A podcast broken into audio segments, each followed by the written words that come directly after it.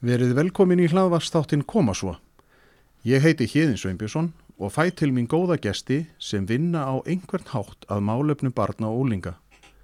Það er ósk mín að þátturinn Koma svo virki sem pepp fyrir foreldra, fagfólk og aðra sem hafa áhuga á málefninu því eins og við vitum þá þarf heilt þorp til að ala upp einstakling.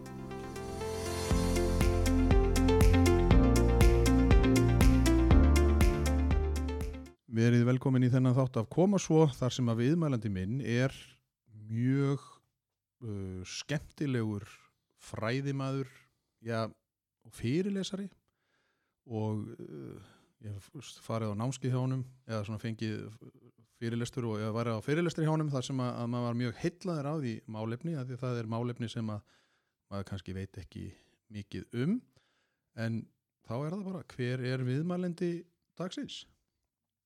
Já, ég heiti Hjeðin Unstensson Það er hérðin. Þetta er nefnilega, nú er, nú maður að passa sig að vera ekki, að fara að rugglast á okkur hérna. Ég, það er svo sjálf sem að talar við nafna sinn. Þetta er mjög sérstækt. það fáir hérna á landinu Já, við erum allan ekki margir. En við einhvern veginn hittumst og það er bara öll skilabóð eða blæsaða nafni, þannig að það er, það er svona að maður fá að, að gera þetta. Já, já, En nú er, er hérna, ég veit kannski var þetta svolítið stór kynning á þeir, en, en hérna, eigum við ekki bara að vinda okkur í málið og, og svona, hvar ólst upp mannin og, og svoleiðis? já, ég er hérna getinn í Borganesi Já, þú ert alveg getinn í borganessi. Já, gengi með mig á Englandi Nú, og fættur á Akranesi já. En hvað byrju, Mamma fór í skóla til Bretlands Já, og- ok. var ófrísk og... Og ertu, en eh, var ekki pappiðin þá mæntalega með? Nei, nei, hann var heima bara Já, ok. Að hann hefði bara átt að sjá ófrískunni hann úti Já, ég veit ekki alveg hvernig það var allavega hann var hann gekk um með mig í, í Brighton Já, þannig að þetta er, er hérna, þú hefur komið víða við áður en þú fættist. Já, ég fengi eitthvað að ströyma þarna Já. held ég Ég á þess að breskust, einhverja útlenska ströyma. Já, eitthvað sjamanisma herðu, en hérna, já, svo kemur hún heim bara átta mánuði í kingin og Og þú bara kemur í heiminn á Akranesi og, og, og hvað er svo, hvað, ekki, voruð þið þá fluttuð, eða áttið, áttið þau svo heima á borganessi? í borgarins, já, já. Og þú hefur þá verið í, hvað, heitir ekki skólinn bara borganesskóli? Grunnskóli Borgarnes, já, já, voru þangað ég hafði aldrei til, sko Já, og hvernig var nú lífið á tilverðinu í borganessi á þessum tíma? mjög yndislega það var svona þétt ofið samfélag svolítið svona, já fallega náttúra. Já, bara skemmtilegt sko. Já. ekki snjálfsímar og ekkert svoleiðis ekkert, já, og það var mikið bara að leika sér í íþróttum og svo stríð og svona milli efra og neðri bæjar og Já, það hefur verið, þetta var Já. stór, hvað var þetta, þetta var ekki stór kannski 13, 14, 15 á þessum árum Gaman þegar það er svona hérna efri og neðri, Já, eða veist, þetta er eitthvað svona hverfi sem að fara, svo er alveg bara, ei, klukka fimm á já, þá ætlum við að slást. svo mæli alltaf eftir það var svona kallað tappastríðið. Tappastrý. Já, það voru leiðtóðar sko, öðru og neðri bara skiptu með sér þúsund Já, í upphafið sumar held ég að verið og svo bara 500-500 eða hvað það var jöfnskipti og svo deildu leiðtóðarnir töppunum með sínum stríðismönnum og svo bara barist út sumarið og svo bara held ég að það verið gert upp í lók sumar sko, það voru með fleiri tappa já, er það, þetta hefur verið bara stórkostleg skipulagning og allt, því að það hefur bara verið, uh, Búrokratisk skipulagning já, og er kannski einhver af þessu leiðtóðum núna, leiðtóðan í þjóðfélaginu? Tryggis ráð þeirra og og einhverjir fleiri, já. Já, er það ekki.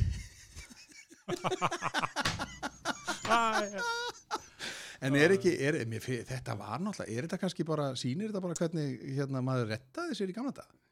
Já, já, já, það var eitthvað neði miklu minna, miklu minna skjálífi. Já. En heldur að það sé, þú veist eins og í dag að það er svo mikil umræð um þetta, heldur að það sé, þú veist, eru krakkar í dag, talað þú mikið við krakka? Svona, Nei, allt, og- allt og lítið. allt og lítið? Ég er með tvær kennara gráður en aldrei kent þeim í háskóla. Sorglega frá því að segja. Já, ok. En þannig að þá er þetta bara svona mjög basic grunnskóla ganga í rauninni að Já, þú já. bara, var- lendur í eitthvað, þú veist, var eitthvað svona þú veist, þetta hefðbunna, einhverju laður í einildi Já, það var alltaf eitthvað svoleiðis. En ég var, ég ólst upp sko, föðufjölskyld með mikið keppnisskap þar skilur við já, óbáslegt keppnisskap og amma alltaf að spurja öll 19 barnabötin, varst ekki hestur? Varst ekki hestur, varst ekki bestur? Stóðstu ekki vel, skilur, eilíflega eitthvað neina, eitthvað varmáttur að undinni eitthvað. Já, ég veit ekki hvað það var en hérna og þannig að það var allir að keppast að mikið samkeppni og samabörður þar allan, en svo var móðufylskildi mín alveg þverög sko. ég var að laus við það. Já, afi var á þingasýslu og komin að skálda fólki Huldar, móðusýstur hans Hulda, hérna, skáldkona Já. og mikið svona já, svona öðruvísi þengjandi svolítið. Já, en uh, svona samkeppni þannig, þannig að ég keppniskap sko, mjög snemma ég man alltaf eftir ég var í fótbolt og voru tveir að spila bara og einn á dæma sko og svo var eitthvað hérna, skauta anstæðingurinn á marki hjá mér þá fór í stöngin út og dómarinn dæmdi að mark að marka þér. Ja. og ég sagði nei. Jú, að mark, ég dæmi mark sagðan og satt í stól svona hliðin á grasinu og ég sagði nei og hann sagði jú þá sagði ég eitthvað ljótt um ömmu hans og þá gaf mér rauðarspjaldi og þá man ég greip girðingastur og, og rota hann Þú veist, þetta var, maður misti sér alveg. Já, já, já, keppnis. Já, já, en það er nú líka réttlæting í þessu. Já, ég veit ekki en ég bara ætla að beða hann fyrirgefningar minn, ég ætla aldrei að vera svona reyður, af því að ég átti annað svona moment, ég var að spila útverðspilja við hann og var að tapa manni og þá gekk ég að hurðinni heima og læsti hurðinni herbygginu og fekk hann svo út að glugga og sagði, sérðu hvað er átt þetta niður? Horfði svo augun á hann og sagði, að ég að já, og úst, þetta er svo tvær sögur sem ég á svona ofbórslega hérna, kepp, alveg bara ofbeldi sko. en, en það er ljótt að segja þetta en ég játa þetta hér með Já. og byggja sigga vinn minn fyrir kemningar á þessu þannig að þið hafi ekki heist síðan Jú, þá, jú, jú, við- er ekki jú, bara hlæ jú, jú. en að mun eftir þau, hann kannski þórar ekki að segja ég, þetta ég, við þig. ég þóra hef ekki þóra að minnast á þetta eldur sko. en þetta var svona og, það var svona harka líka og í þessum stríðum og svona. já, já, já. Já. En mér finnst þetta, þetta snildar hugmynd að vera með þetta tapastrýð þannig að gastu Já. bara mist alla Ég tapana man nú ekki nákvæmlega hvernig það var sko. Já, ég, man, ég vissi, mér minnir þetta að vera skipti eftir miðju, skipti helmingu upphafi og svo bara barist og já, þannig að svo upp í- kannski þurftur að láta vita að það væri, veist, að ég væri döði eða þú þú gast ekki verið með eða varstu endalust bara í Nei, minnir þetta bara hafi verið þannig hann bara leiðtóðan dreifðu töppunum á sína liðsmenn og svo Já. bara barist út sumari eða hvernig það var og Já. svo bara gert upp Svo bara gert upp, já. Þeir fleiri að minn færði tappa ég finnst þetta geggjað Já, já, þetta var og svo var alltaf eins og ég sé um, mikið um íþróttir þetta var alltaf Svafa Grönfeld og Íris Grönfeld og allt þetta frálsir þetta fólk og Maggi Eyjóls sem var svo Maggi Skeving og alls konar, hann var í fimmleikonum og þær voru í frjálsum og svo voru þetta var mikið svona íþrótta en byrju, það er ekki það er ekki skallegrímur, er, það- er, það- er það skallegrímur? Já, já, já, fótbolti, mikill fótbolti. Já, já, svo er náttúrulega körfuboltinn Já, korfuboltin kom setna og þarna þessum árum var fótbolti til þess að byrja með svo manni að handboltin fekk smá flug hérna á tímabili. Já, en svo kom korfuboltin svolítið setna, eða svona búið 78 9 já. Ég man allan eftir því að fara á turneringu í borgarnes já, í handbóltanum og það var, þetta var svona sérstætt því manni fannst ekkert eins og skallagrími var eitthvað svona handbóltalið og sko nafn á handbóltalið mjög sérstætt að heita skallagrímur Já, það er þessi seggur þarna sem svo nam landvist um Já, það er kannski þess vegna sem þið eru svona herská hana, eða hvað? Nei, þetta er allt Við erum, er allt sama Það er tóbakið ljúmin, hérna. já, já, já. En hérna, jú, þetta var félagið en svo, og svo var náttúrulega var svolítið rígur og með og það var alltaf, þetta var alveg þessum árum líka slegist á sveitabölunum og svona. Já, þetta voru tímar. Mm að þegar að, að, að hérna, einhvern veginn hafa meira stuð að fara á sveitabölin kannski, jú, jú, það var volið gaman að dansa og svona en- einhvern veginn var, var ekki slagsmálin eftir? Búið að skipa alveg þau kannski eða var Með, ég veit ekki, það var bara eitthvað kerkja svona á milli stað þetta. Það er svo sérstætt hvernig við tengjum sjálfsmynd okkar við sveitafélag það, er bara eitt landsluti sem tengir sjálfsmynd sína við landsluta það eru að það segir engin ég vestlendingur sunnlendingur nei, nei, nei, svona miklu sterkari tengdir landslutanum já, en það eru bara, hólmarar eða úlsa eða skilur Þannig að ég veit ekki en það fer núna með allar þessar samaningapælingar sko. það verður þá að finna eitthvað annað fyrir fólk að tengja þetta bara við sitt við Já, já, hvernig þetta er En alltaf sé ekki erfitt fyrir fólkið að vera eins og þegar að, að Snæfellsbær var búin til. Ég meina, Sandarar, Ólsarar, veist, þetta er einhvern veginn svona, Svo faraði fljótlega þá leiða saman allt snæfisnesi. já, og þá verður nú örgulega eitthvað.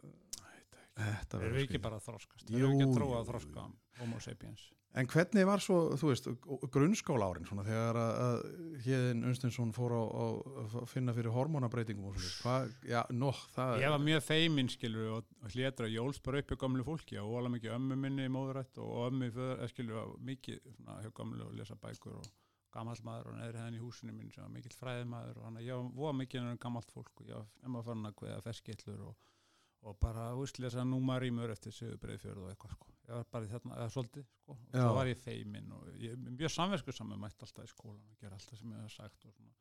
Það var ekki fyrir að ég kynntist svona í þessum geðsveiflum að ég fór að hætta að gera sem ég hef sagt. En er það, finnur þú fyrir, að því að talandi það, að þú náttúrulega, hérna, er það ekki þá fyrst þegar að, að þú skrifar bókina Vertu Úlfur sem að þú verður svolítið að, svona, að fólk fyrir að kynnast hérni? Ég veit ekki, nei, það hafa verið fyrir. Ég man alltaf eftir, sko, ég veikist fyrst 89 þegar ég er á loka ári í mentaskóla. Svo líður það hjá eitthvað neginn og mér tekst mjög vel í skólanum og útskrifast þarna í fyrsta seti og eitthvað svona og var gaman og allt það.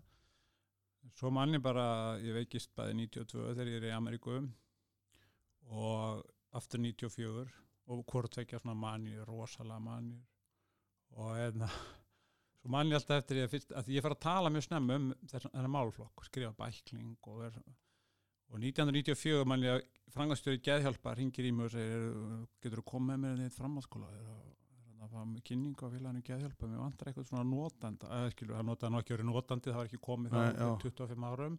Getur þú komið með mér? Ég segi já, já, já, ég skal gera það. Þá var ég nýbúin að skrifa hana bækling manni og og ég fyrir hann að fjölbjörn ármúla, ég gleymis aldrei. Þetta var svona fyrsta skipti sem ég tala ofinbel um, um geðhelbrið og geðnæmi og þessi geðhelbriðismál og hann heldur fyrirlestur og manna hafa með svona glærur maður stöður glærur og svo setja svona myndvarpa og, og svo sagði hann frá félaginu og lalalala og frábært og, og stóru bara krökkum hann og, svo, svo, og ég satt bara að beigja og svo þegar hann búið hann, jæja, þá nú komið að mér og nú er komið að brjálaðingnum og ég vissi ekki hvort ég ætti að ganga út eða hvað ég ætti að gera. Og kynntaði bara, og það, framkvæmdastjóri félagsins og þetta er 25 ári sen og hvað, hefur þú spurt hann um þetta síðan? nei, nei, var það bara, nei, þetta bara sittur í mig svolítið. Eða svona, ég var ekki dreigð ég er bara svolítið sérstætt sko. hérna, jú, svo bara var ég helt smá fyrirlestur og en veitu hvað, þá ertu bara 20 og, 23 fjóra. Já, þannig að þú hefur bara verið, farið snemma í, já, ég í gerði svolítið það. þennan fræðslu pakka. svo ég tók þetta saman um daginn öllum sem áran sem ég er búin að vera í þessu bæði hérna heima og elendi ég held að sé komið svona, já, þúsund skipti sem ég talaði um geðhelbriðismál svona Já, já, já, já, já. Það er nú Hérna- slatti, því þú ert nú ekki það gamall. nei, nei, ekkert svo Þannig að, en, en þú talar um að þú ferð til Ameríku, þannig að, að þú bara Já. ferð þessa hefbundu leið, klárar grunnskólan, grunnskóla. Ferði í hvaða og þá sótt ég mér mentaskólam á laugavatni og fór þangað. Það var rosalegt fyllir í maður. Ha, það Já, var svakalegt. var, var, var í bókstaflega, já, já, já. Bara alla daga eða var, Nei, var nú ekki alveg alla daga en skilur ég að prúðu drengur komandi á hann á borgarferði og, en þetta var fýtt skóli, það vantaði ekki en það var bara svolítið mikið svona fjör kannski á mikið stundum. Já, og hérna um helgar aðalega en þetta var mjög góðu skóli að, að hérna alast upp í að þroska, fá þroskastím já, já, ég minna þetta er heimavist Heimavist, svona, já, en, er það þá ekki bara í hlutanis eðli kannski? Á þessum tíma, þá var Jú, ekkert kannski. annað í stöðuna, en maður fór ekkert heim og hvað í nei, hvað áttum maður að gera um helgar þarna? stýtti sér stundum með hugbreytandi efnum, já. Já, þannig Jú, að ekkur gera það, jú, þetta var svolítið þannig. En hver, þegar þú samt svo ferðu, sérst 89 þá ferðu í fyrstu, Já, ég, ég fór bara svona svolítið nýður á við þennan 89 já, og en var það út af uh, stúdent, eða veist, varstu þá í stúdentnum eða hvernig, Já, það var í stundum, þá var ég bara, þú veist, að því að geðbreyðismál og geðsveiflur og þess aðlis að það er ekki hægt að sína fram á neitt neinum hlutlaðum hætti, nei, ekki blóðbröð, það pröðu að rönga myndi eða neinu. nei, Þannig að mér leið bara illa því að ég held að það hafi verið, ég hef alltaf haft þessa þörf fyrir að hafa stjórn, sko. já, Ég er aðeins þroskast með árunum og svona smá hugleðslu og jók, að þessum þessum- og svona, já. maður er miðaldra og þroskar og svona, hættir maður ekki, getur hóndið sleppt tökunum aðeins betur og verið aðrilaus og, og bröðist ekki við og verið bara rólur. já, En þarna hafði ég þessa þörf sko ég var svo óviss, það var svo mikið óvissa, hvað tekur við skilur hvað tekur við? Og þá fyrir maður að hafa áhyggjur skilur já, og þá fyrir maður að fá í magan kannski já, og getur illa borðað og er svona viðkvæmt blóm sko, næmur og, og skinja hluti svona og, þá hérna já, fór maður að líða svo illa bara og, og þetta var svona vítarhingur og, og bara kvíði. Og ekki hjálpa hann til að maður er eitthvað að lesa eitthvað með eitthvað áfengi það hjálpa ekki sko. Þannig að ég, já, þetta svona rosa niður. Ég náði mig nú á því og, og fór svo til Ameríku bara sí, síla það ár. Og eftir bara beint eftir stúdent? Já, og hvað varst að brölda þá Já, í, ég í Ameríku? fekk styrk svona á veginn rótar í samtakan í Georgíu. Til þess að koma og vera eitt ár í námi og vera sendi herra en að gæsa lappa fyrir landið hjá rótari, Já. fyrir rótari klub og hal- halda ræður. Já, þannig að pappiðin hefur verið í Rótari á, á sínum tíma og þú Já, hefur verið afi já, já. Og hvernig var það ár þá? Var, Það það- var ekki það ríkala var rosa gaman sko. Svolítið sveiflótti og svolítið, svolítið svona þungu til þess að byrja með svo að lifna hann yfir þessu og já, já, mjög skemmtilegt. Fór í marga klubba og mikið ferðalög og talaði mikið og hitti mikið af fólki. Já, það var mjög skemmtilegt sko. Kom svo heim já, hérna um sumar eftir sko, alveg heilt ár. Og hvað hva, varstu þá svona komið með eitthvað, eitthvað hugmyndum hvað ætlaði að gera? já, ég fór þarna í svona pre-medicine eða læknisfræði svona, í svona college level þarna úti, þriði og fjórða ár tók tíma í því, frumvili frá erðafræði og svona einhverju. Þannig að ég skráði mig í læknisfræði en þá fór ég til læknisfræði hérna heima 92 um haustið. Og þá náttúrulega fó fjörið að færast á annar, stig sko af því að það var mikið álag og, einna, og ég fyrir fljótlega bara í manist ástand þannig í þessu námi sennilega bara í svona oktober, september, oktober já og já, mik mikið álag og mikið að gera og, ég sef lítið og hætti svo bara alveg að sofa og svo kemur þessi tilnefning sem kemur í manniðin sko, ég lakka svo mikið til að vakna bara tekur ekki að fara að sofa, okkur er að fara að sofa ég lakka svo mikið til að vakna, okkur er að býja til að vakna? Ég get bara það já, já, já, og að hlusta á tólist og fyrir að lesa merking og hlutum og allt þetta og vissi nú mikið svefn og orku mikill og kraft mikill og þá fer bara andin út úr efninu og fer bara að styrta niður sjösunum með pissa og Já. tekur bílbelta þreim kilometrum á árum kemur áfangast skilur það bara að vera allt svo hratt. Já, og allt í henni bara CIA fara að leggja fyrir þetta húsi og fylgjast með FBI og, allt skilur það bara þinn veruleiki verður bara annar en allra annara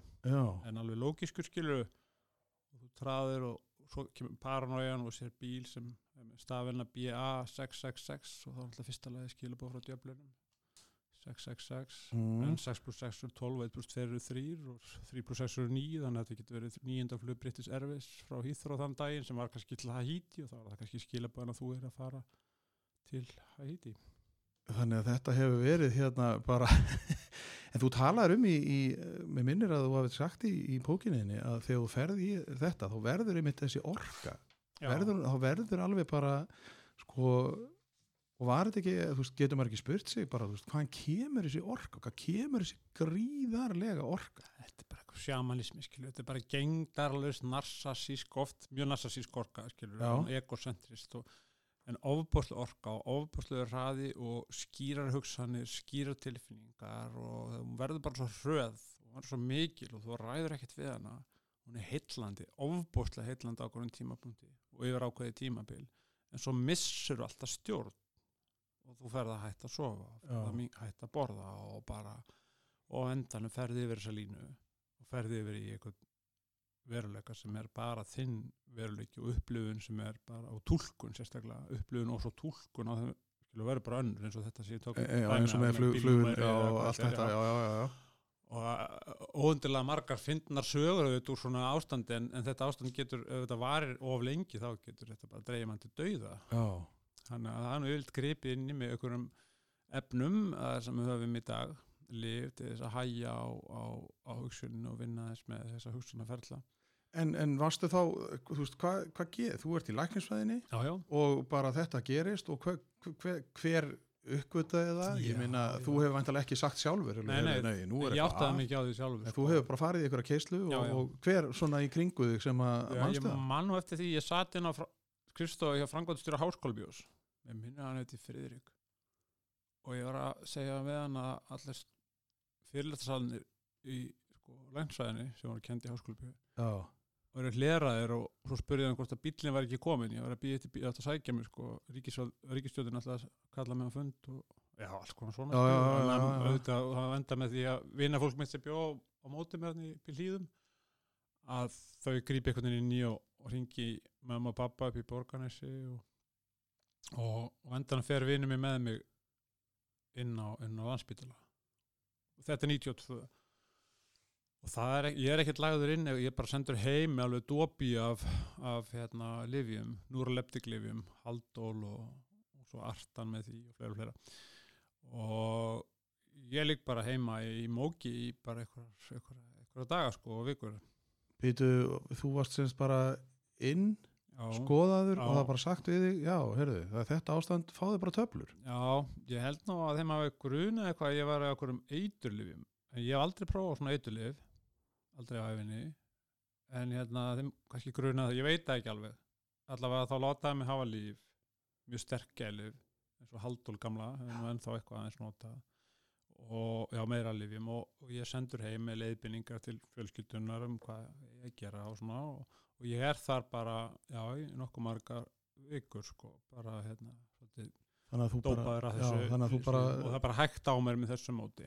Hægt á, á huganum og svo komst ég nú aftur í að taka prófin í nóvember desember í læknisfræðinni en það, ég átti ekki sénsíður sko, það var búið að hæja svo mikið á hugsanar á svona mínum að ég bara, það var ekki átti ekki þannig, breyki að, það nei, þannig að heimurinn í rauninni, hann bara silaðist áfram þegar þú ert í þessu Já, ástandi. já. En ég meina, er þetta ekki áfanabindandi líf? Nei, nei, nei Er þetta ekki- það er ekki- Nei, er Þetta eru núrleptiklif Já, tauga, hamlandi já, lif ok.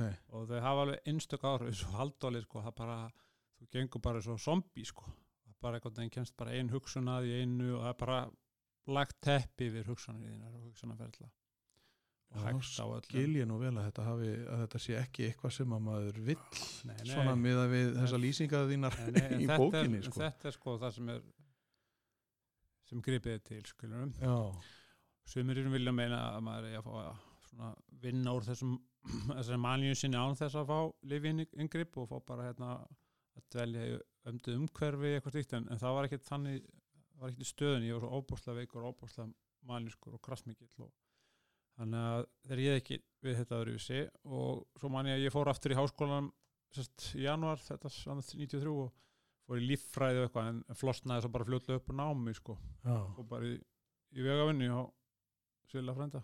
Já, gott að Silji frændi það var tilbúin að taka við þér og þannig að þú Já, bara fílaði þig vel það sumarið Nei, ég meina maður er alltaf manjan er í tíundi og svo tekur við ykkur vanlíðan og þunglit og leðandi í nýju tíundu Já. skilur En það að það ná sér upp aftur En þegar þú ferði í þessa, sko, nú er það, fylgifiskurinn er náttúrulega deburðin, Já, já, að, að já. þú keirir alveg upp í manju og svo bara detturu niður. Ég meina, já, en í þessum tilfellum þá er alltaf þetta orðað þannig að ég keir upp í manju þetta er eins og þetta sé eitthvað internal eða external kraftur sem maður ræður ítlilega Já, við já, já. þetta er bara eitthvað Já, í fyrsta sinn sem þetta gerist þá veit maður bara ekkert hvað er að gera Nei, nei, já, líður bara alveg rosalega vel. Það fara öll endorfín full en- endorfín, dopamin, serotonin, noradrenalín það er bara allt, allt bóðefna kerfið er bara eins og jólatré sko. Já, þannig að já, en svo hérna já, fer ég svo um haustið í Íþróttakennarskólan líka því að var aftur upp á laug og, atn og ná mér einhvern veginn upp með líkamsrækt og þess að ég langaði nú ekki droslega að vera íþróttakennar en jú, jú, aldrei svona og fór þangað en svo veikist ég aftur bara annum sömari þar á eftir, sko, eftir fyrsta árið sérst sömari 94, þá fæ ég aðra episóðu af hérna, oflæti eða manju og það, hún var bara mjög svipuð kannski, jú, svona svipuð kraftur í henni sko, rosa kraftur. En þá er ég lagður inn manni í 77 daga og ég langar innlægn sem tíðkust þá. Og þá fæ ég greiningu sérst geðkvörf sem nú vandalega væri talað um geðkvörf 1 því að þú veist hvernig sjúkdómakritirinn þar eru, það eru Já. 6 1870, það eru 600 í dag. Já, en það var nú bara geðkvörð þá þegar ég fæði þessa greiningu. Og, og þá kynnist ég fyrst þessu frumefni litium og settur á það og það var á mikið gæfi spór sko, það var mjög stabilserandi og, og ég var mjög stabil eða svona nokkuð stabil bara frá 94 alveg til 2008 og þá, þannig að þú klára, nærða að klára íþróttakennaran og þú nefndur með tvær gráður. Já, og fór, fór svo í kennaraháskólinni kjálfæri beint og, og kláraði kennara pró, eða þess kennarmentuna líka. Já. En, en, en er ekki hérna litjum er þá, þetta er salt eða ekki, eða svona, Já, frumefni, pluslaðin jón. Já, sem enn vilja meina að hann getur verið sanna svo sem í þessum málefnum að hafi þannig áhrif á, á rafbóðarna skipti milli frumna í heila að svona hefur, hefur stabílisund áhrif. Svona downside eða svona neikvæða verkun á þessu svolítið er að þetta getur ofta til lengri tíma neikvæð áhrif á kreatínmyndur í nýrum. Þar er að þetta getur slæm áhrif á nýru til lengri tíma nýrnastarfsemi.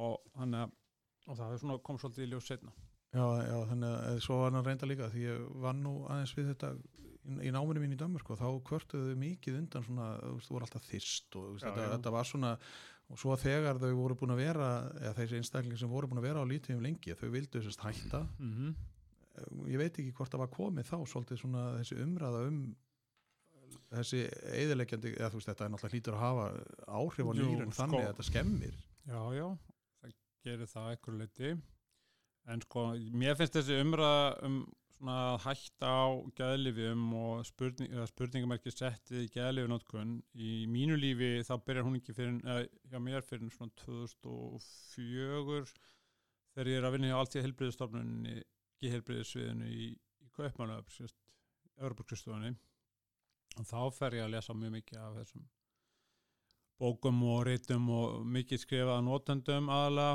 og fyrirvændi notendum. og þá kemur þetta hugtak fyrst allavega inn hjá mér sem er svona fyrirvændi notandi eða ex-service user. Já, og semst vísa þá til þess að menna vinna á fullum bata af sinni geðuröskun og hérna, þannig að ég var mjög hillar af þessu. Og á þessum árum frá 2004 til 2007 er ég mjög mikið að ferðast um Evrópu.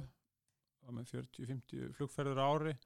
Á allskins fundi og ráðstöfnuður þar sem ég var að tala og, og sinna störfum fyrir allþjóð heilblíðstofnunina og hérna já, hann er að þá fór maður svona svolítið að velta þessu fyrir sér en ég hef ekki sett einn spurningamarki við litjum á þessum árum þegar ég tek það fyrst 94 já, og hérna, já, kláraði svo þessa, þessa hérna, kennara, kennaramentin á sama tíma að fer á stað þetta verkefni geðurekt og geðurinn díu og það saman við fengum hann sex fyrirtæki sem setja eitthvað 40-50 miljónir í þetta verkefni sem var á við landlagnir, skeðhjálpar og helsugjöslunar og, og helbriðsránsins uh, og um, og, og hérna, átti að ebla og bæta hérna, geðhilsu allra landsmanna. Ég hefði verið svo upptíkin að þessu með þetta forsketi geð já, og þess að þætti heilbriðisjónustan sem eru þá heilsuefling, forvarnir, snemskoðun, meðferð og endurhæfing fimm þættir. Já, og við værum alltaf bara með fjármunum og peningun og fókusun á meðferð og endurhæfingu. En mjög lítið á forvörnum og heilsueflingu já, þannig að hugmyndi var að vinna með forsketi geð og svo fengum við Þóraðin Eldjá til þess að þýða mental health promotion sem er þá heilsuefling eða Já. geð heilsuefling eða geðbót. En hann kom á orðið geðrækt já, sem var mjög sn- snildar orð hjá honum. Og það notuði þessi þrjú ára allan sem ég uh, svona, þetta var svona frumkvæla dæmi hérna á þessum árum frá 2000 til 2002-2003 og það fór óbúrslega orka og kraftur í þetta, þetta góða verkefni og við gerðum mjög marga skemmtilega hlutu og náðum að eða þessum 40-50 miljónum í, í skemmtilega skemmtilega nýsköpun. Og margt af þessu hefur lifað eins og, eins og þessi geðorð og, og eitthvað efni líka sem er að nota í grunnskólum og leikskólum og, seglarnir Seg, já, já, og mjög skemmtilegt. og. Þannig að þetta var og vorum líka voru upptíkin að tengja sko listir og menningu við, við geðhelbriði og geraskanir, vorum með geðauka listadaga og geðauka daga í háskólanum og eitthvað svona. já, það var svolítið svona orðið geð komið eiginlega var sett inn í svolítið margt. Já, já, við gerum það, já, gerum það sko.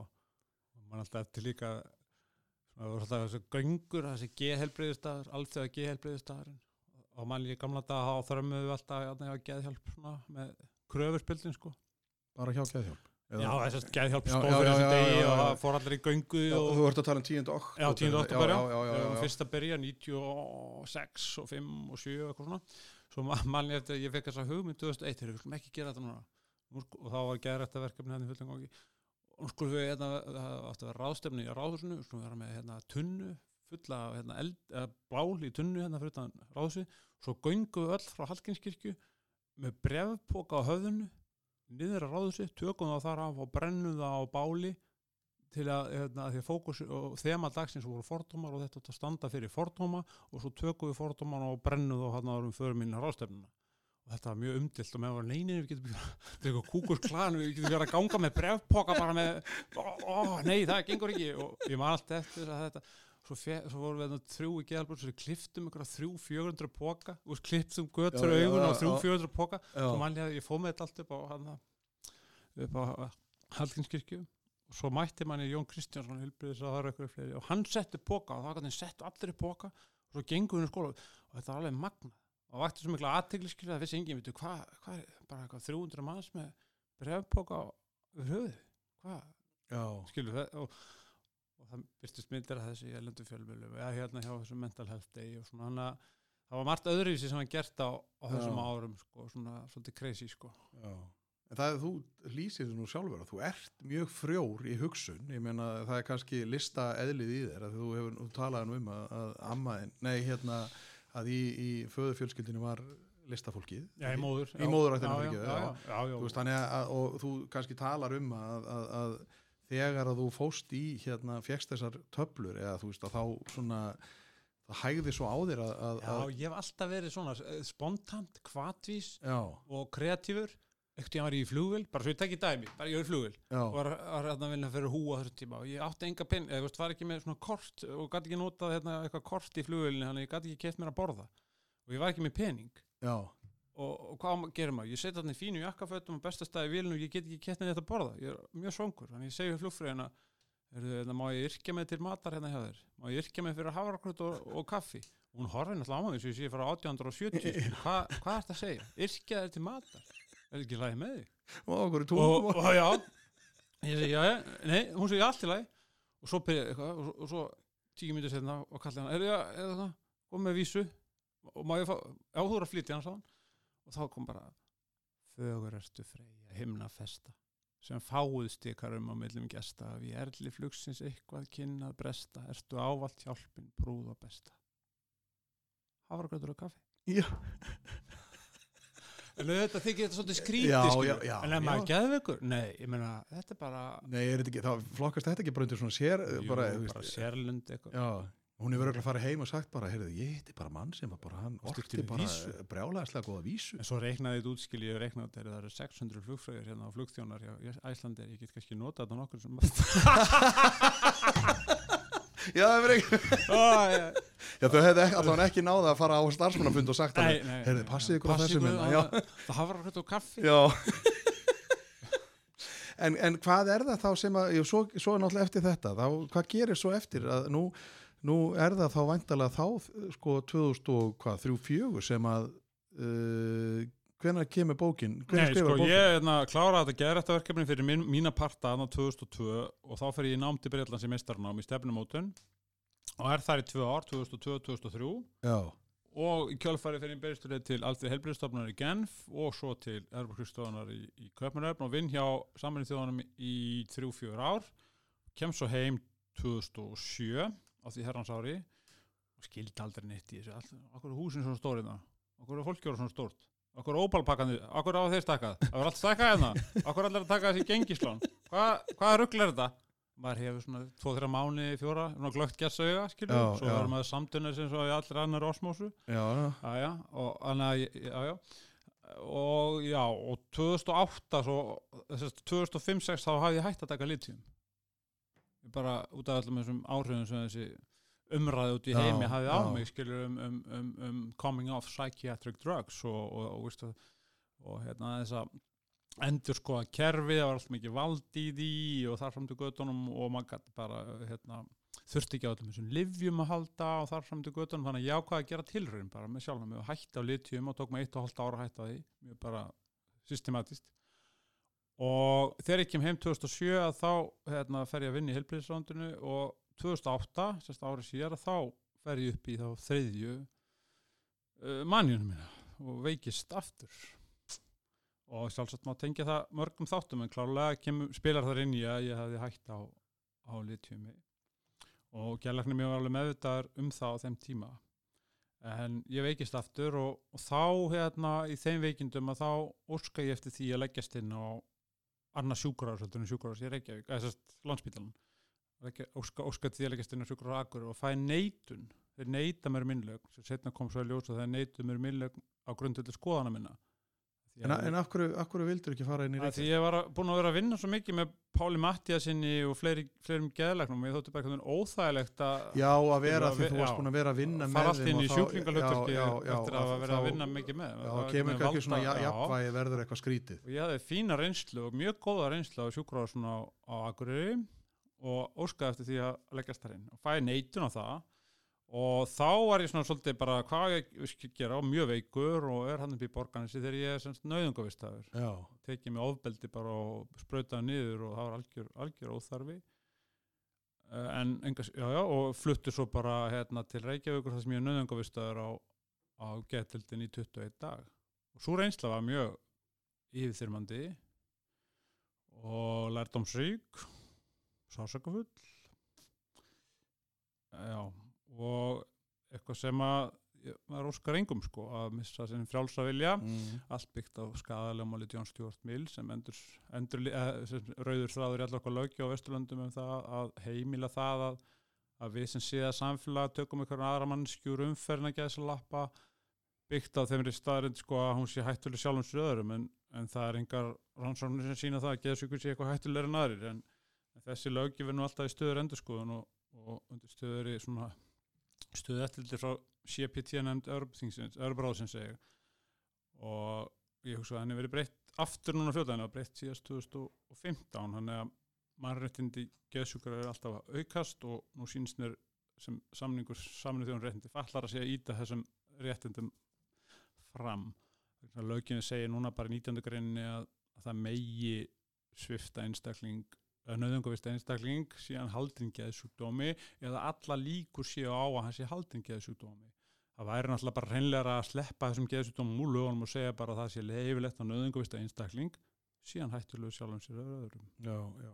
Já, það fyrir ekki að tiltaka Já, eitthvað það hvað er. ekki tiltekka eitthvað svona en allavega, ég er sérst nöðungavistar hérna í 21 dag og haldið gegn vilja mínum inn á þessu eina herbyggi hérna á getildinni framöður kóru og svona en aldrei, aldrei út fyrir en bara eftir 18-19 daga. Gleymi þín og aldrei það er svo mikið frelsi sem fylgir eftir að vera að loka erinni lengi. En þetta gerist þarna 2008 og það er eiginlega á þessum forsöndu sem ég, eða ekki á þessum forsöndu, ég fer bara, ég er svo reyður eftir að þetta gerist, mér finnst þetta svo mikið óreittlæti þannig að ég byrja bara að skrifa. Og, allt, og svo setna mér þá kemst vinkonum, eða þess byrði vinkonum mínum að lesa þessi skrif og, og hún segir bara, hefur þetta, þú voru að gera eitthvað með þetta þannig að svo taka við sex ár og, og ég er að vinna í helbriðsrándinu og fer svo að vinna í fórsetisrándinu 2010 og þá vinna alltaf um málflokkum en bara ekki helbriðsmálum og, og það er þessum árum sem ég er að vinna í fórsetisrándinu sem ég skrifa þessa bók. Og skrifaði hennu tvær bækur sem ég svo splesti saman í Já, eina. já. og við lög- lögðum gríðarlega mikla vinnu ég og rittstjórin og setna svo rittstjóri útgáfunar forlagsins í, í þessa bók að því að hún, í mínum huga mátt hún ekki bara vera einhver línuleg frásögn hún þurfti líka að vera literatúr Já, og literatúrin kemur fram svolítið í þessum leik með tungumálið leik með merkingafræðina leik með tunglið, úlfin og hamskiptin. Já, skilur við, af því að fyrst orðið við geðveiki er á íslensku tunglsíki og í ennsku lunatic dreigið af luna, núna, tunglinu. já, já. Og fyrsta dýrið sem margir tengja við tunglið er úlfur. Og úlfur byrtist mér eins og, eins og í sjamanisma sko í manjunni að byrtist mér úlfur. Reynda samuræði líka og eitthvað fleira. Og þannig að ég tvinna það saman og næja að mín margra mati að steipa því saman í, í ykkur heild og svo sögutráðurinn alltaf. Og já, og svo eru þessi lífsorð þarna aftast að því að það var svona, ég gerði það bara því ég hef unnið svo mikið með þessi, geðorðin á sín tíma, ég, mér- þegar ég er inn á geðil þá fannst mér þurfa að skrifa eitthvað niður, eru hver er já, bjargráð mín hérna inni, notaði handadráttin, já, stöðu 12 fermetrar herbyggi 20 daga, hvað ætlar að gera? Og, og bara með tampust og eitt blóm, nákvæmlega. Eitt rúm, eitt tampustu og eitt blóm í glugganum. Og þá þá maður stundum bara nota andadráttin bara til þess að þú veist, hemja sig, sko. Að það er ekkert það er nefnilega maður óskar engum þessa að missa sinn frjálsa vilja. En hvernig er það að því að þú segir sjálfur núna áðan og þú segir líka í bókinni að þér fannst þetta ónauðsynlegt að það þurfti ekki að svifta þig þarna á þessum tímapunkti? Ég var aldrei sviftur var Nei, nei, ég er að meina, na- þú veist að, Já. að þegar þú sprauta inn í Já, já, svona, já, já, já. völdin í rauninni eru bara tekin af já, þér, það var að því að ég var á leiðin í Stikisún Já, já, en var það að því að þú varst að fara á Nei, sko, að þegar að ég kemst ekki inn á Akureyri Já, og ég vil ekki leggast inn í Reykjavík þá eru tvö sjúkrahús landsmanna á myndinni. Þá er ekkert Já. sjúkrahús eftir. Nei, þá eru bara eitthvað heilbyrðistofnur út á landi og ég og læknir minn rættum það í fúlustarfuru ásand minnum aðstandanda, frænda mínum þarna, Símóni á þessum tíma hvort ég geti farið á Ísafjörð stikk, eða Stikkisólm og hann ætlaði sko að ræða við aðila innan þessara heilbyrðistofnuna hvort að ég, ég geti fengið að vera á Já. heilbyrðistofnunum í Stikkisólmi já, þannig Þannig ég taldi mig vera á leiðinni þangað þegar Já. ég er þarna í borganessi. Það er svo eftir aðrir aðelar sem hefur ekkert haft samráð með þetta eins og pappi og okkur kona sem er gælæknir og, og gift frenda mínu sem, sem leggja á ráðun um allt, allt annað. Já. Og þau grípa inn í eitthvað ferli. Hvað sem á að segja um þetta ferli, hvort það var skinsamlegt ekki, já, þá grípa þau óumbeðin inn í ferli og taka það algjörlega yfir já, gegn mínu vilja. Og það var smá, Já, þannig að er já, því. Já, já, þannig að það er það sem að þú er kannski meira ósáttu við að því að þú varst að fara annað þú varst að fara að gera annað en þau bara eru einhvern veginn án þess að kannski að ræða það við þig og gefa þér valið nei, en ég gáði mig ekkert val. Bara, en, en hvernig er það, þú veist, hefur nú hlýtur að hafa rætt þetta við, við bæði pappaðinn og, þennan frændaðinn sem að náttúrulega leik stóra rullu í þessu máli já, já. svona, en þú veist, hvernig er það eins og fyrir þau að, að vera með svona aðstandenda og það þarf að taka þessa ádreifur í ákvörðum, en þetta er ekki létt Nei, menn, þau voru bara ekki aðlæðin til þess að taka hana. Pappi hafði ekkit verið inn í mínu málum um langan tíma þarna á, á þessu tímabili. Ég hafði verið dvali hjá þessum frenda mínum og konu Já. hans sem er góð vinkona mín. Þau hafði verið alfarið inn í þessum málum, skilur. Það var Já. þau sem áttu að taka þess ákvörðun með mínu lækni. já, Ekki einhver ræðalega þó þeir hafi verið next of kin, skilur, sem hefur bara ekkert verið inn í því hvað hafi verið í gangi. já.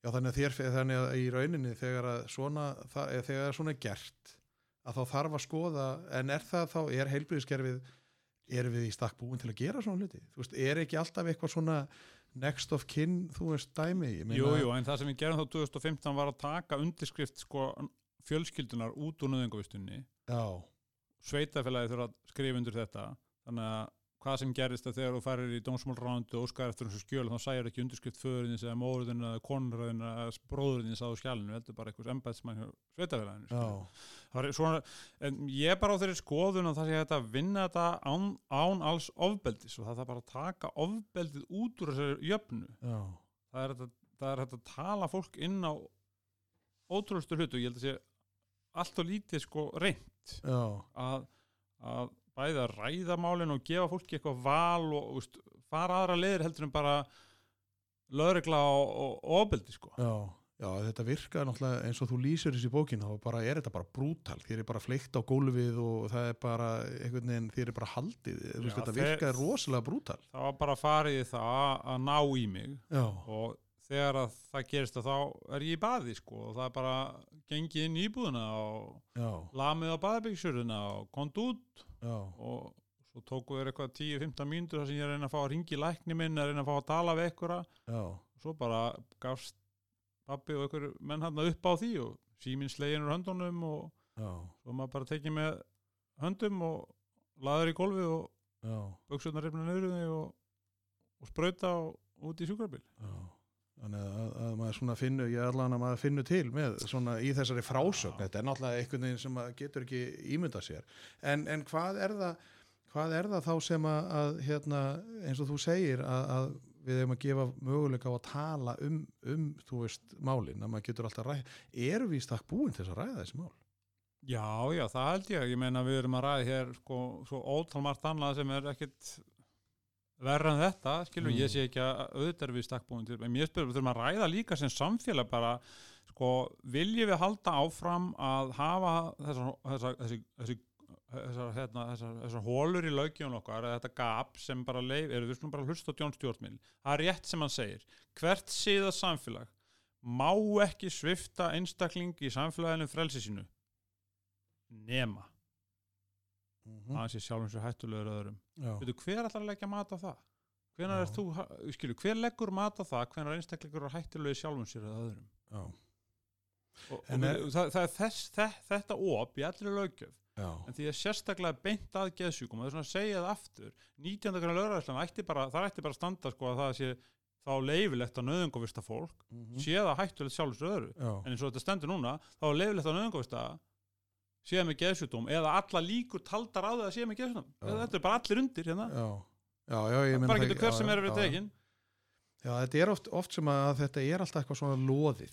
Jú, jú, en ég er ekki, ekki auðvitað er þannig að fólk þarf aðstóð og ef það vill ekki fara á sjúkrós og vill ekki leita sér hjálpar að þá held ég bara að það séu alltaf leiðir til þess að telja fólk inn á það Já.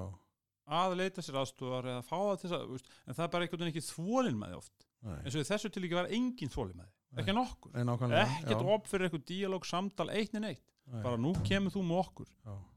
bara beitt bóháttur og hart vald Já. og það er bara ekkert í bóði að því að lífsgæða skerðingin sem það oft á tíðum hefur í förmið sér er bara allt og mikil það eru dæmi þess að bræður hafa ekki talast við í 30 ár af því að annar er að stóð fyrir en ekki að slappa aðför að Já, hinum og, já, og já. nöðungavist að viðkomandi Já. þannig að ég tel bara að að gera þetta á annan hátt En nú á sínum tíma þá skapaðist mikil umræðu um þessi mál og, og þú bakaðir nú, eða þú, svona, þú, þú varst nú ekki vinsalsti maðurinn í, í blokkinni eða hvað? Varst, Eh. var, hvað sagði til dæmis sko kerfið? Ég menna var, hvað hérna, sko hvernig upplifið þú, sko, þú varst náttúrulega, þú varst mjög harður sko í bókinni á kerfið já já það, það er allt í læg og, og ég sem lesandi ég var bara, þú veist, auðvitað þú veist, að því að maður náttúrulega veit ekkert þetta var náttúrulega bara mjög lýsandi sko, og maður gæti svo, svona sett sig í spór en, en, og í viðtölum og svona þegar maður sáði sko, þá varstu svona mjög já, ég ætla nú að nota orðið hóver en, en, þú komst mjög vel að því að þú kannski varst ekkert svona vinsalisti maðurinn. Nei, en nei. það voru ákveðin menn eða svona ákveðin einstaklingar sem voru ekkert sáttir við þig það er bara allt í góðu lagi með það, ég, það hver er rétt á sínum skoðanum og um fólk menna málefni. Já, en kom ég veist bara aðalatri sem verður þetta. Ég vildi leggjast inn á sjúkrahús. Já, það er fullan vilja til þess. Já, og það að sjúkrahús neyti manni innlög á grundveldi skoðana það er bara á sama hátt áttu börn. Áttu svona eða dóttur já, nákvæmlega. Já, Byrju, áttu svona eða dóttur bæði. Bæði já, hvað ef þú skrifaði nú grein í morgunblæði þar sem þú færir yfir mentamálinu og færir harðorður og gaggrindir skó, grunnskólan sem þau gangi? Já, svo fengi mér svo fengir þau bara í post eða símtala og þetta herðu hérðin já, þú sleppti að senda börnin í skólan á morgun? Við erum ekki sammála því sem þú segja. Já, okkur finnst þú yfirgangssamur dónalegur, harðorður og við kunnum illa að meta skoðanuðinar og við viljum ekki sjá börnin í skólanum með það morgun. Mm, við þú fara eitthvað annað. Þetta er, þetta er sama prinsip. já, þú átt að geta tjáð skoðanir hérna í þessu samfélagi á þess að almanna þjónustan almanna þjónandir geti tekið það afstöð að segja heyrðu, við viljum ekki þjónustu þennan þegn hérna í þessu samfélagi, þennan íbúa, þennan borgara að því hann hefur þessar og hérna skoðanir sem okkur líkar ekki við. Og svo þegar ég hitti hennar sama lækna og hafði neitað þessu árið setna eða hvað það var þá tók hann mig til hliðar og saði við mig þú eru bara að læra þessu og það er svona helvítis framkoma sem ég þvóli ekki átti þú að Já. læra þessu það er svona framkoma almanna þjónar sem, greittir, sem þjónustan er greitt hér á almanna fjö já, launin þeirra að þeir geti tekið hér þegna í þessu samfélag og íbúa og borgara og sagt við það svona lagað þú þarf bara að læra af þessu það er svona dónaskapur sem far mann til þess að skrifa bækur og rífa kjaft og vera Mm. óþáðu í þú þess að kerfis og hafi ég verið það þá er ég bara gladur já. En það var ég líka þú veist, mér fannst hérna þegar að, að að við lestu bókarana mér fannst þetta alveg geggjað af því að ég, maður er svolítið svona þú veist, auðvitað á ekki að vera svona. En, En- þú ert náttúrulega manneskja. Jú, jú, auðvitað vitum við það að það er miklu affara sælla að vera gandi í hjarta já, og vera auðmjúkur og gefa eftir. Vera sem mjöll á vor degi á heiði í sólu hörfandi mjúkur. Það er rétt að leiðin til svona árangri. En þarna gekk kerfið á land já. síðan þá eru liðin mörg ár já, já. og hvað, hvað hefur sko, ég náttúrulega fæ þessa hugmynd að tala við þig að því að þú varst í þessum borg í hérna, hvað var þetta kallað nú í sagt, Borgarafundur um um geðheilbrigðismál. geðheilbriðismál og geðheilbriði ungs fólks Passar. uh, og þar var náttúrulega margt rætt og, og, og svona þetta var mjög fróðlegt og, og upplýsandi og, ekki, ég veit nú ekki hvort það hefur verið upplýfgandi umræð en, en, en það var svona margt sem að, eins og það sem þú sagðir að af hverju að kalla, hættum að kalla þetta geðkvarfa síki, kallum þetta bara geðkvörf sko eru við og þú nefnir það áðan að, að 1800 og eitthvað voru hvað, geðkvörf eitt Nei, nei, nei, skilur, það voru bara skil- sex greiningar Já, á já, svo- 600 í dag. Já, þú veist, eru við sko, hversu langt förum við með þetta, þú veist, verðum við að vera með svona, já, ég er svona, ég er hins einn þú veist, er ekki það er allt, allt þetta einhvern veginn, þú ert svona kyns og þversum og þú veist, maður er, þú veist, þetta er, er þetta ekki orðið svolítið flókið að lifa? og þetta er margar, margar, margar greiningar. Ég veit um að United Airlines bandarska flugfyrir komið fimm kyngreininga ef maður fyrir flug. Maður getur verið kall og kona og intersex og skilur, en það, það er alltaf leið en eh, já, sko mér finnst bara, það er bara ákveðið dölið vald fólki Já. í þessu gerfi já, ég fekk hjartáfallum daginn og laðist inn á hjartadeild. Ok. Og ég var fyrir uppljómun að því að þjónustan og viðmótið á hjartadeildinni var gjör ólíkt því sem ég hafði kynst á geðdeildum. Já, og mér datt strax í og ég skrifaði fórstjóra á spítan og sagði það er gríðarlega tækifæri til þekkingar yfirfæslu mér finnst þú að ég er að taka slatta starfsfólki á hjartadeildinu og senda það yfir í geðdeildinu og vita hvort ég get ekki lært eitthvað að þeim. Skilur mig? Já, já, já, já. og, og, og, og það er bara það er þetta duldavald sem felst í orðum eins og síki já. að þú tekur geðkvörf er alltaf orð heldur en geðkvarfa síki og skoði maður enska orðið þar sem þetta bipolar þá vísar það í tvo póla já. og geð vísar í geð og kvörf skilur vísa til þess að verði kvörf á geði já. og fyrir mér finnst mér þetta alveg nóg en að bæta svo við hérna síki að mér finnst það bara hérna mér finnst það bara ómikið og, og, úst, mér finnst það bara óþarfi Já. í raun og veru En er, er þetta ekki líka að sko þegar þú ert sko ef það er einhver geð kvörfið að það er eitthvað svona sem að sést ekki að Jú, sko að því að ef þú fótbrotnar Jú, ertu það með er náttúrulega það sem gerir hennar málflokk enn erfiðar það er engin hlutlegni, þetta er huglegt mat eins aðila og huglegu ástandi annars aðila. Já, og það með ólíkindum og þess, það ástæðan fyrir ég hætti meðal annars hjá hú var þessi að mér fannst bara svo rosalega miklu, ofbúrslega miklu peningar í veikindum já, og engir í hilbriði og ég er svo sem búin að segja þetta áður og margt higgja á þessu að kapitalismin nærist á dis ís eða ójafvægi hann þarf stöðut að halda okkur ykkur ójafvægi þannig okkur vant eitthvað. Og að sama á við í þessu og mér finnst bara einhvern veginn að eins og þróunin sem komur öllum takt. Að, að, að sko að, að, að, að, sko, að hlutfall þeirra sem að, að það sé minnstu sveiflur eru orðnar af einhverjum röskunum og það, það, það er ekkit hvað er eftir sem er hérna ís eða, eða normal já, já, það, það er það er ekkert allt undir og, og ef maður skoðar þróunna þá í fyrsta lega hefur greiningarmódili blásið út og röskunum fjölgað alveg um mörg hundruð prósent yfir áratugina og einhvern veginn bara svolítið, svolítið óeðlegt sko, hvað hva, hva, hva þeim hefur fjölgað ofbúrslega mikið og svo þetta það er engin, engin hlutlegni í greiningunum menn er alltaf að reyna sitt besta og það er áhugavert að skoða það. Ég er sannfarður um það eins og við núna hristum hausinni við ykkur sem var gert fyrir 50 árum. Framheila námi eða insulín koma ykkur um barbarískum aðferðin sem voru notað til þess að lækna en að gæðslappa gæðsjúka já. á sama hátt munu börni þín og barnabötn eftir 50 ár horfa tilbaka til dagsins í dag og hrista hausni yfir því sem við erum reyna í dag. Já. þannig að við þurfum bara svolítið að viðurkenna á fræðin og gælensa er svolítið að viðurkenna það að þetta er, þetta er svolítið sút og science skilur Já, af því að er uh, uh, mjög veikur fræðilegu grunnur fyrir, fyrir þessum fræðum. Og við vitum bara ekki nógu mikið. Já, við vitum alls ekki nógu mikið. En ég held að sé hins vegar stutt í næstu framfara bylgju svona livjafræðilega séð í, í, í þessum geira. En er, er að því að nú var eins og í þessum, nú vorum við að ræða, kannski fórum inn á það að þetta væri, við vorum að ræða hérna, eh, sem sagt, ungt fólk. Og Já. þú segir það sjálfur að það eru greiningar bara, þú veist, þær eru orðnar kannski, já, er, þú veist, jú, ég ætla að vera sammálaðir, þær eru orðnar alltaf mi miklar, en á móti eru við sem að erum að vinna með einstaklingunum, sko, þetta með að, að sko segja, já hann er með þetta eða hún er með þetta sko að því að það er verið svo hrætt við að það sé ykkur öðruvísi í þjóðfélaginu. Jú, vil líka réttlætum sko eitthvað, eitthvað sem er abnormal, okkur þykir abnormal en það er bara svo lítið eftir sem er normal og svo mikið sem er abnormal en við Já. réttum allan abnormalitetið með einhverjum greiningum. Já, og það vestan finnst mér þegar menn verða þessa greiningar sem er alltaf algjörlega kól, kól, kól, kól ránt menn eru yðurlega smættaðir niður í geðgreiningar sínar. Já, Jón, Jón hann, er, hann er geðklofi. Nei, Já. hann er ekkit geðklofi, hann er kannski með sjúkdóm sem Já. kallast geðklofi. En skilur þú, það, verður sett saman sem merki einhvern veginn á milli já, ég veit að, þú veist, nú hugsa ég bara eins og þegar þú segir, en náttúrulega, ég hefði nú örglega ekki nota orðið geðklofi, en ég, þú veist, ADHD eða, þú veist, mótur og þrjóskur öskun og allt þetta, hvað það er, sko, þú veist, að þetta er svona, þú veist, þetta, er orðið svo mikið.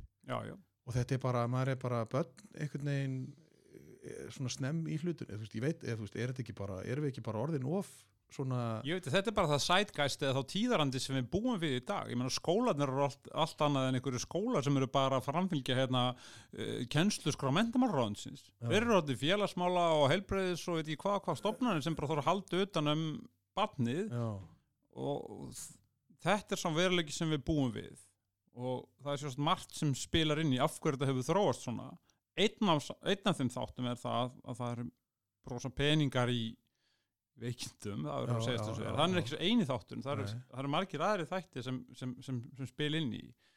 En svo er að verða ákveðið líka afturkvar og ég held líka bara í stóru myndinni þá mun þessi ofbúrslega áhætla á umhverfsmál bjarga okkur einhverju leiti að við erum krafin um það að hverfa aftur í ákveðna naumhyggju ákveðin mínimalisma, ákveðin næjusemi og það þarf einfallega að hæja á líka en svo er, já, og það er sko það sem ég hugsa, því þú talar um kvíðan á þann sem þú upplifði þegar þú varst í ML já, sko, krakkar í dag það er bara, mér finnst bara alveg rosalega mikið um kvíða í samfélaginu.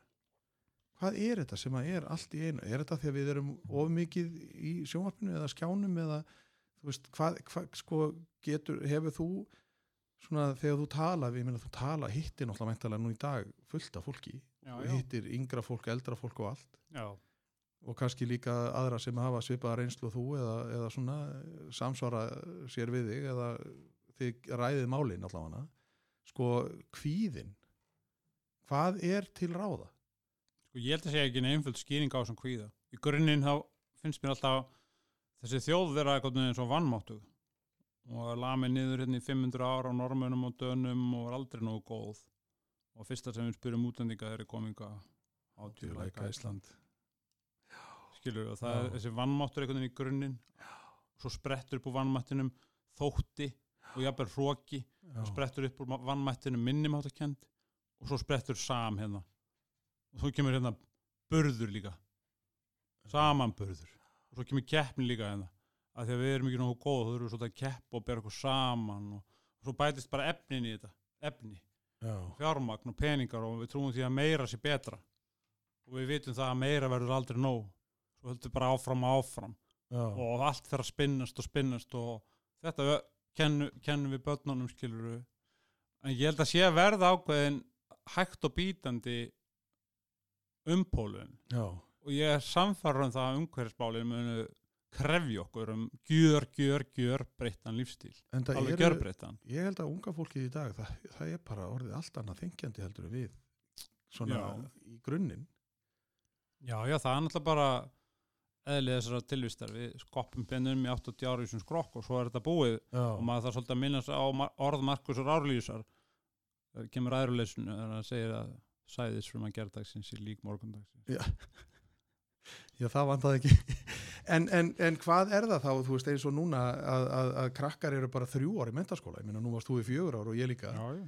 Og þú okkur er það Hvernig er það? Þú veist, liggur okkur svona á að fá þið út á vinnumarkaðinu? ég veit, mér finnst ekki veist, en okkur var þessi ákvörðun tekin það er náttúrulega líka það, þegar svo heyrir maður að, erlendis að þá er verið að sko vara þessu breytt, en svo er verið að breyta þessu aftur í fjögur ár. jú, jú. hversu mikið skilir það vilja hversu mikið getur við sem samfélag tekið á frjálsum vilja versus almanna heill við erum stöðt með lögjöfunni hérna sem þingbönum hérna, sem Já. Bubbi Mortens kallaði nú um helgina hérna miðflokksmennina torpaðin í jakkafötunum og öllum hinnum að skilir það frjálsum vilja já, þú mátt ekki kera hraðar en 90 50 innabæðar og 30 grónum hverfum og veist, það er endals lög og reglur um það hvað þú mátt og mátt ekki gera já, og ef þú brýtur þessi lög samfélagsins eða reglur að þá refsu við þér já, Já.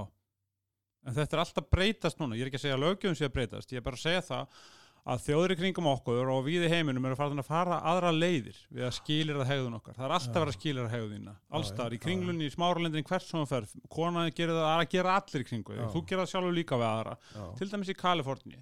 Þar eru fram, framsagnir. Þeir eru ekki eins afturhaldsagnir þannig í Suðuríkjunum sem eru að setja þessar fáranlu hérna, Já, þungunarrofslögja segðu.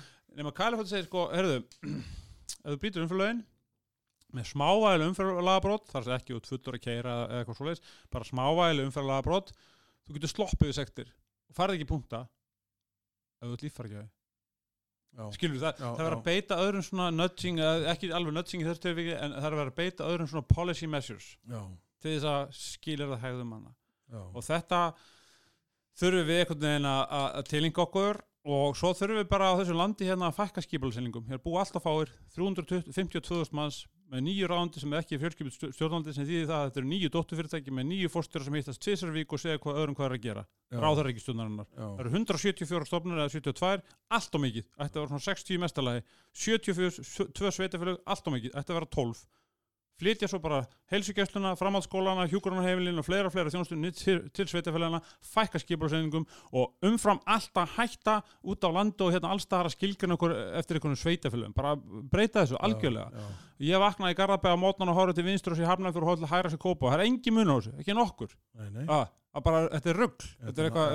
huglega línur, sveitafélag eru ekki hestur, þau eru huglega fyrirbriði já, og það þarf að breyta þessu og, og, og hérna, einfalda þetta skipula hérna. þetta er allt of flóki og ég held að mætti breyta mörgum með, bara með því að breyta þessu skipula en við erum först í þessu, séu bara fréttir eins og í síðustu viku sem náðu okkur um headlines í, í landsbyðarmiðlunum komast nú ekki í landsmiðlana á þessu litla landi hérna, það var frétt á Vesturlandi sagði fjölgunin mest í þessu sveitafélagi 12,6% í Skorradalsepp og fjölgunin í Skorradalsepp heldur en í Reykjanesbæ og öllum hinn sveitafélagum landinu. Hvað heldur að hafa fjölgað á marga í Skorradalsepp? tvo, sex? Nei, veist, þetta er bara, Já, þetta er svo mikið smáborgarháttur og banalismi og rögl við verðum að taka upp eitthvað meiri funksjónal stjórnhætti og það þarf að fækka skipulsildunum En er, er þetta ekki þetta líka? Við erum einhvern veginn í einhverju eldgömlu eins og þú segir sjálfur að þú teiknar upp hérna fyrir mig áðan að, að við verðum, sem sagt, 1944 eða 45 að þá verðum við sjálfstæð þjóð. Já. og eins og réttilega bendir á, við erum eitthvað kerfi sem að Danir byggu til 1940 og hvað, eða einhver tíman, 1847 þess vegna, sko. Þú veist, að, að við og svo einhvern veginn one size fits all, þú veist, það er einhver breytt Nei, nei.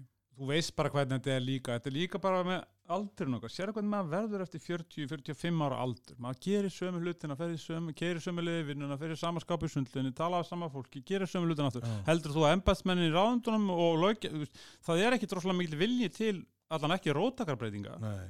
Við breytum bara svona aðeins, svona smá kannski.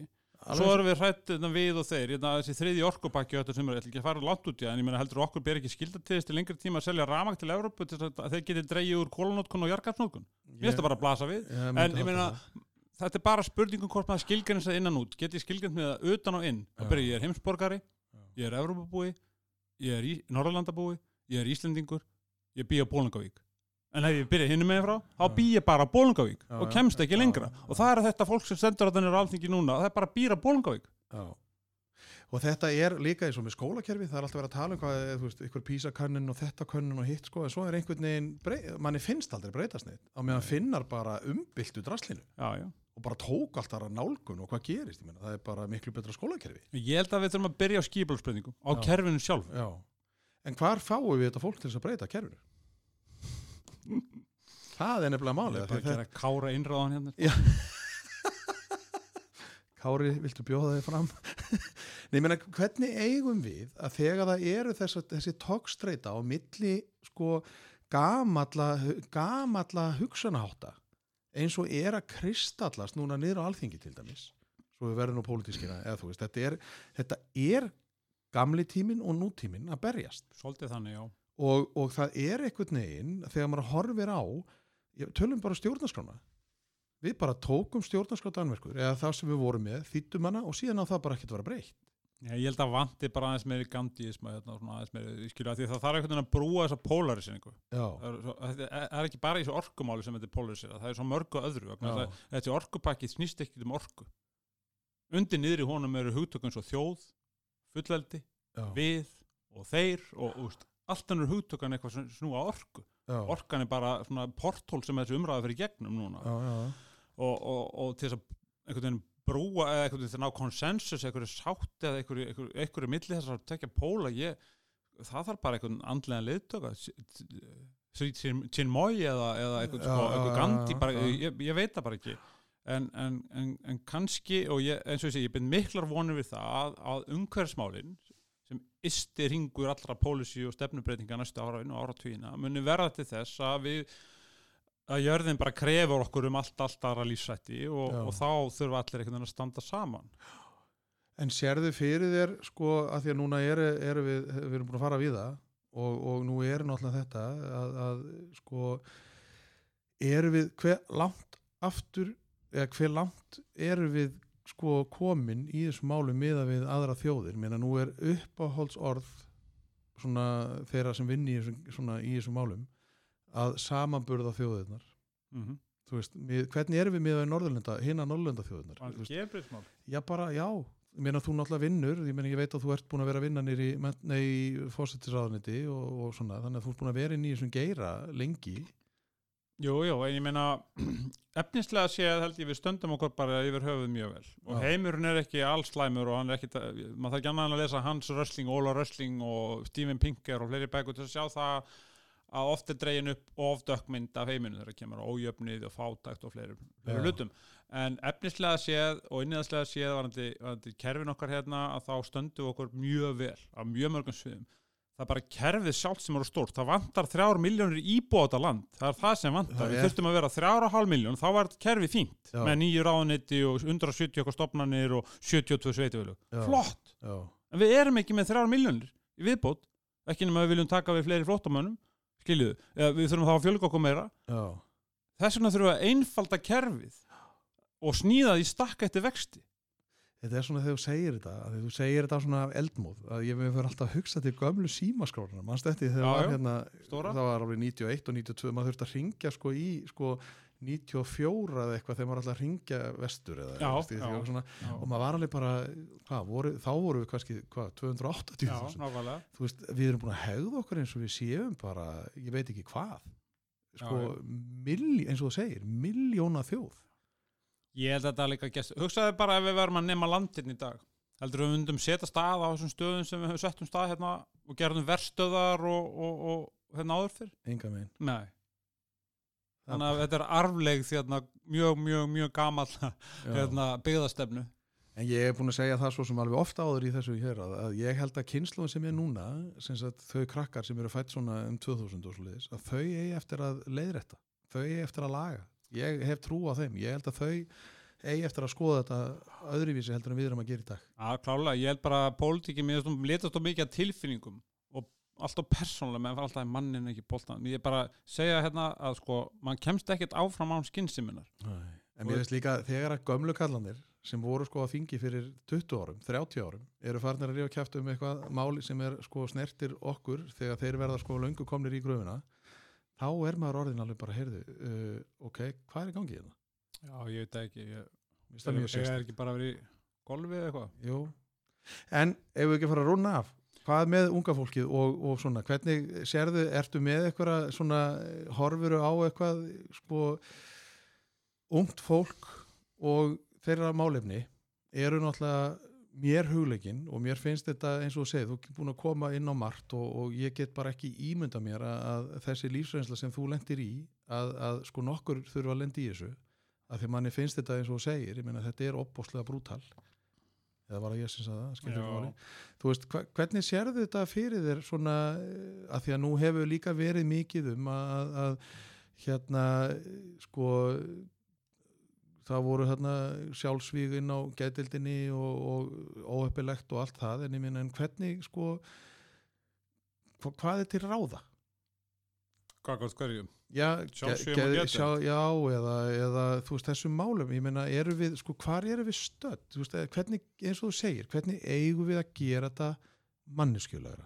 Af því þú talar um munin á hjartadildinni Já, já, og geðdildinni já klá, mjög Sko- mikill munur. hvernig, hvernig getum við sko er þetta að því að þú segir valdið þú nefnir orðið vald svo saður áðan, nú tökum við dýið út og þá er þetta val já, já. hvernig veljum við að gera þetta manneskjulega Já, en þetta er líka alltaf sko upplifað vald, skilur það er Já. ekki þar maður sagt að sé það, Nei, er nei, já, upplifað, já. ég meina hurðin er læst, Já. og, og, og auðvitað upplifið fólk vald, Vald. Já, eða margir gera það já, sko ég held í fyrsta lagi hvað var að gelbyrðisjónastuna að það hefur verið ákveðin mistök að setja rétta gætild sem var á sogni inn á klepp. Með því lag, voru lagðar miljónir og hundruði miljóna úr ríkissjóði í uppbyggingu á rétta gætild sem er fín og flott en með því var líka tryggt að klepp spítal er ekki lokað á næsta árum og ára dögum sem ég held að væri sniðut þess að losa sig við þessa tengingu úr tungumálunu taka alla endurhæfingu þaðan út og koma henn út í samfélagið þar sem hún á heima að mínu viti endurhæfing geðsjúkra á heima í samfélaginu en ekki á lokuðum spítulum og restina af starfseminni væri hægt að koma fyrir á ringbröti eða, eða annar staðar. En það, fyrsta lagi þetta að, að endurhæfingun þarf að vera út í samfélaginu.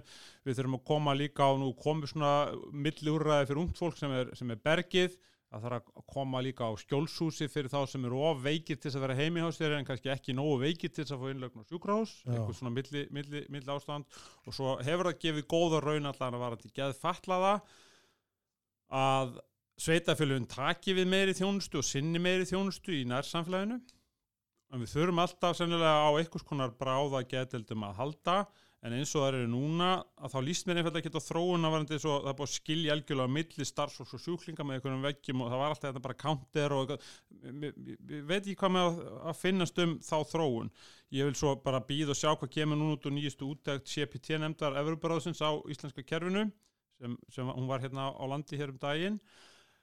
En, en, en það, það- er mörgu hægt að breyta. En auðvitað finnst manni bara veist, þessi fjöldi sem glýmir við geðraskanin og ungu fólki vera ofbúrslega hár og við höfum þrjár stóðu til að takast á við það, það er heilsugjastlan og það er verið að gera góða hluti og bæta mörgu við, geðhilsu teimum notendum sem er involverað í þjónustunni sem Já. er frábært, svo er það sjúkrahúsin sem eru tvö og þar finnst mér me me með að gera betur eins og, eins og talar um að með hjarta á höfuð. Já, og svo í þriðast lagi erum við með tógarútgerðnar þar að segja sérfræðilegnastofunar þar finnst mér með að minka og ég hefði helst vilja sjá tekið upp hér á landi tilvísnukerfi.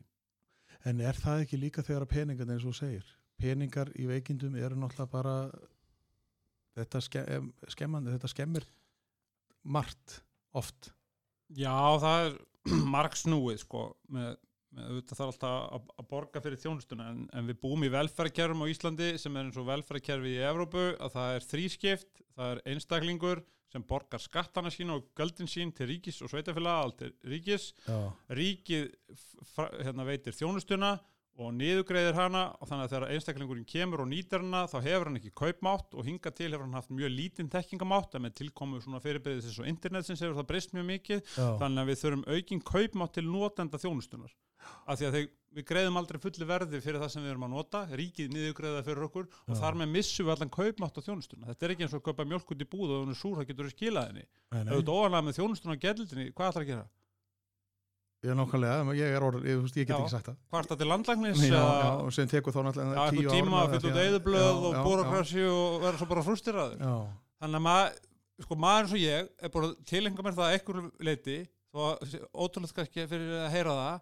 að er að það að að að það, að, að læra að skilja á milli tveggja flokka af við brögðum.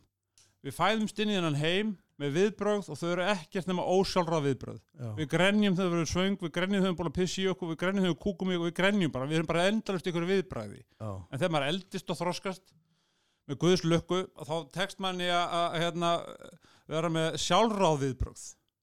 Þar að segja geta að hugsa sig um og ég ætla að hugsa málið, tala við á morgun. Já. þá ætla ég að bregðast við. Já, ef maður lítur á viðbröð sem konstant í lífinu þá er það mikil gæfa að reyna að fjölga prósentutölinu sem er bakvið sjálf, hérna, sjálfráðu viðbröðin og fækka þeim ósjálfráðu. Já, vegna þess að mín reynsla er svo að ofta tíðum er þessi vest hafa það sem hafa vestan bakgrunnin hafa fengið slemt uppeldi og, og eiga erfitt eru með hátt hlutfall hérna ósálráðara viðbræða og þannig er ég bara að vísa be- beinlins í stóðspeki að við þurfum ekki að bregðast við öllu sem dynur á í lífinu. Við erum ekki krafin um það. En einhvern veginn hér á þessu landi það verðast rosalega margir, sérstaklega eftir að Facebook kom já kom- Bregðast og- við og komment, öllu. já, já, bara alltaf einhverju og þetta eh, oftast sem magnar upp sko vestu þættin í okkur mannskepnunum. Já, reyði og öfund og alla döðasendirna bara nánast einu bretti. Já, þannig að takist mann einhvern veginn að vinna með viðbröð sín og skoða þau og velta þeim fyrir sér og umfram allt að sjá byrju, af hverju bregst ég svona við? Er þetta eitthvað hana, eru þessi varnarhættir mínir eitthvað sem mótast hefur í barni sko? mjög sannilega, get ég eitthvað unni með það? Get klárlega verið meðvitaður um það. Og um leiður meðvitaður um þá fer ég að vinna með það og get ég að forðast að leiði mann eitthvað þetta finnst mér að vera oft líki ladri bara í, í samskiptum við aðra og það er nú það sem lífi gengur út á. Mm. samskipti við aðra, annars getur maður bara flutt upp í sumbúst og verið þar. Já. það er nú líka freistandi. En hvað er svona á döfinni hjá namna mínum? Er ég er að fara á morgun er á landspítala í, í ómskoðunni gegnum vélenda ég ætla, ég ætla að skoða með hjartaði gegnum vélenda ok, þannig að ég fæ eitthvað bensodiepin og eitthvað svona. Já, og svo miðgudaginn er ég að fara að halda fyrirlestur ræða eitthvað á vestfjörðum á Ísafjörður með borgarafund á, Ís, á Bólingauk fyrir ekki. Um þá um stef- sóknar áallir landsluta sóknar áallir vestfjörðar frá 2020 til 2024 þegar vestfyringarnir eru að móta sína áallin sem, sem þeir nýta sér til að eigða cirka 110-20 miljónum frá ríkinu ári í atvinnumál, nýsköpun og, og, menningamál mm. þannig að þú ert bara það er ein svona einn ein kanturinn á móti öðrum í þessu lífið Já, það er núna. svo hjartaskoðun Já. og svo hérna vestfyrir og er þetta bara, þessi hjartaskoðun er þetta bara, er þetta, hvað er þetta að glíma við? Er Já, ég fekk sérst blóðtap í hjarta á 13. mæ Já, ok, og fór í hjartaþræðingu og alla, allt þetta Fyrir það er bara kortið síðan í dag er Já. 2007 Já. og, það, og þú ert bara res Já, bara 7.13 þannig að það er, er og, og talandum, að því ég, ætla, ég glemdi ég hugsaði áðan, að því þú varst að tala um hérna, sko þegar maður er í, sko geð, að rækta er- mér finnst þetta geggjaðar, sko mm. og þetta með heilsuna hvað þurfum við að gera til þess að fá fólk til þess að hreyfa sig bara ráflost er það þannig? Nei, ég ég meina, hefur þú heyrt söguna á sólinu og vindinum? Einu sinni sagði vindurinn við sólina Er þið sól? Sérðu manninn hann á jörðinni? Já, já, Hann í frakka hann Ég skal veðja við því ég næja hann úr frakkanum á tveim mínútum Svo blés hann eins og brjálæðingur Já. og komin í 15 Þú hefur heyrt þetta, Já, já, 15 visti og svo, svo gafst hann upp og hann náði hann mikið frá og sólinn skein og maðurinn fór úr frakkanum. Þetta er bara sama, hvað ætlar að gera til að frjáls vilji? Fólk ræður sér sjálft Akkur það að hreyfa sig? En það er- bara móti? Jú, jú, jú, jú, nei að því ég held, eða þú veist, ef maður talar um að maður, maður líður bara betur, Já, klárlega, það er náttúrulega það, þú veist, reyfing hefur bara áhrif á, á þig og þitt kerfi, sko. fólk vilja um, umvörpum í meira mæli skilur samfélag okkar segir við okkur hreyðu þig. Þú kerir ekki svo um og þú sjáur ekki crossfit stöður eða líka stöður þetta er bara pure pressure, það er allir að Já. hreyfa sig. Þetta var annað eldur en 1960-70 skilur já, já. þannig að ég held að þurfi ekki droslega mikið til að fá fólk til þess að hreyfa sig en ég held að þurfi eitthvað kannski til að jú, til að koma á stað kannski. Það er það sem það þarf, Ég að, að maður er- verði svona fíkin í það að það er, mér reyndar ég, þegar ég reyði mig ekkert og það var frá sem sagt 2011 til núna 2018 mm -hmm. að þá var sko mér datt aldrei til hugar þegar að byrja að auðlýsa þarna í januar, nú þyrfti maður aldrei að byrja að taka Já, já, sig á, taka ég var alveg að fá upp í koka af þessar umræð, af því þetta var veginn svona þú átt að, Já. En hefur hefur fengið hreyfisegli á heilsugjastlulækninum það hefði örgulega farið. Það er kannski eitthvað.